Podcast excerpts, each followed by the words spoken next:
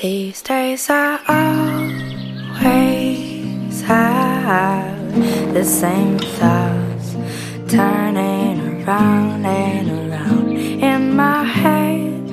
I guess I'm still thinking all the time about you. I can't stop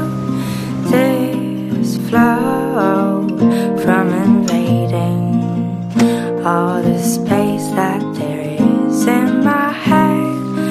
I guess I'm still overthinking everything about you, but I I wanna know if I could be anything that would help you stand taller, and I I wanna know if this could be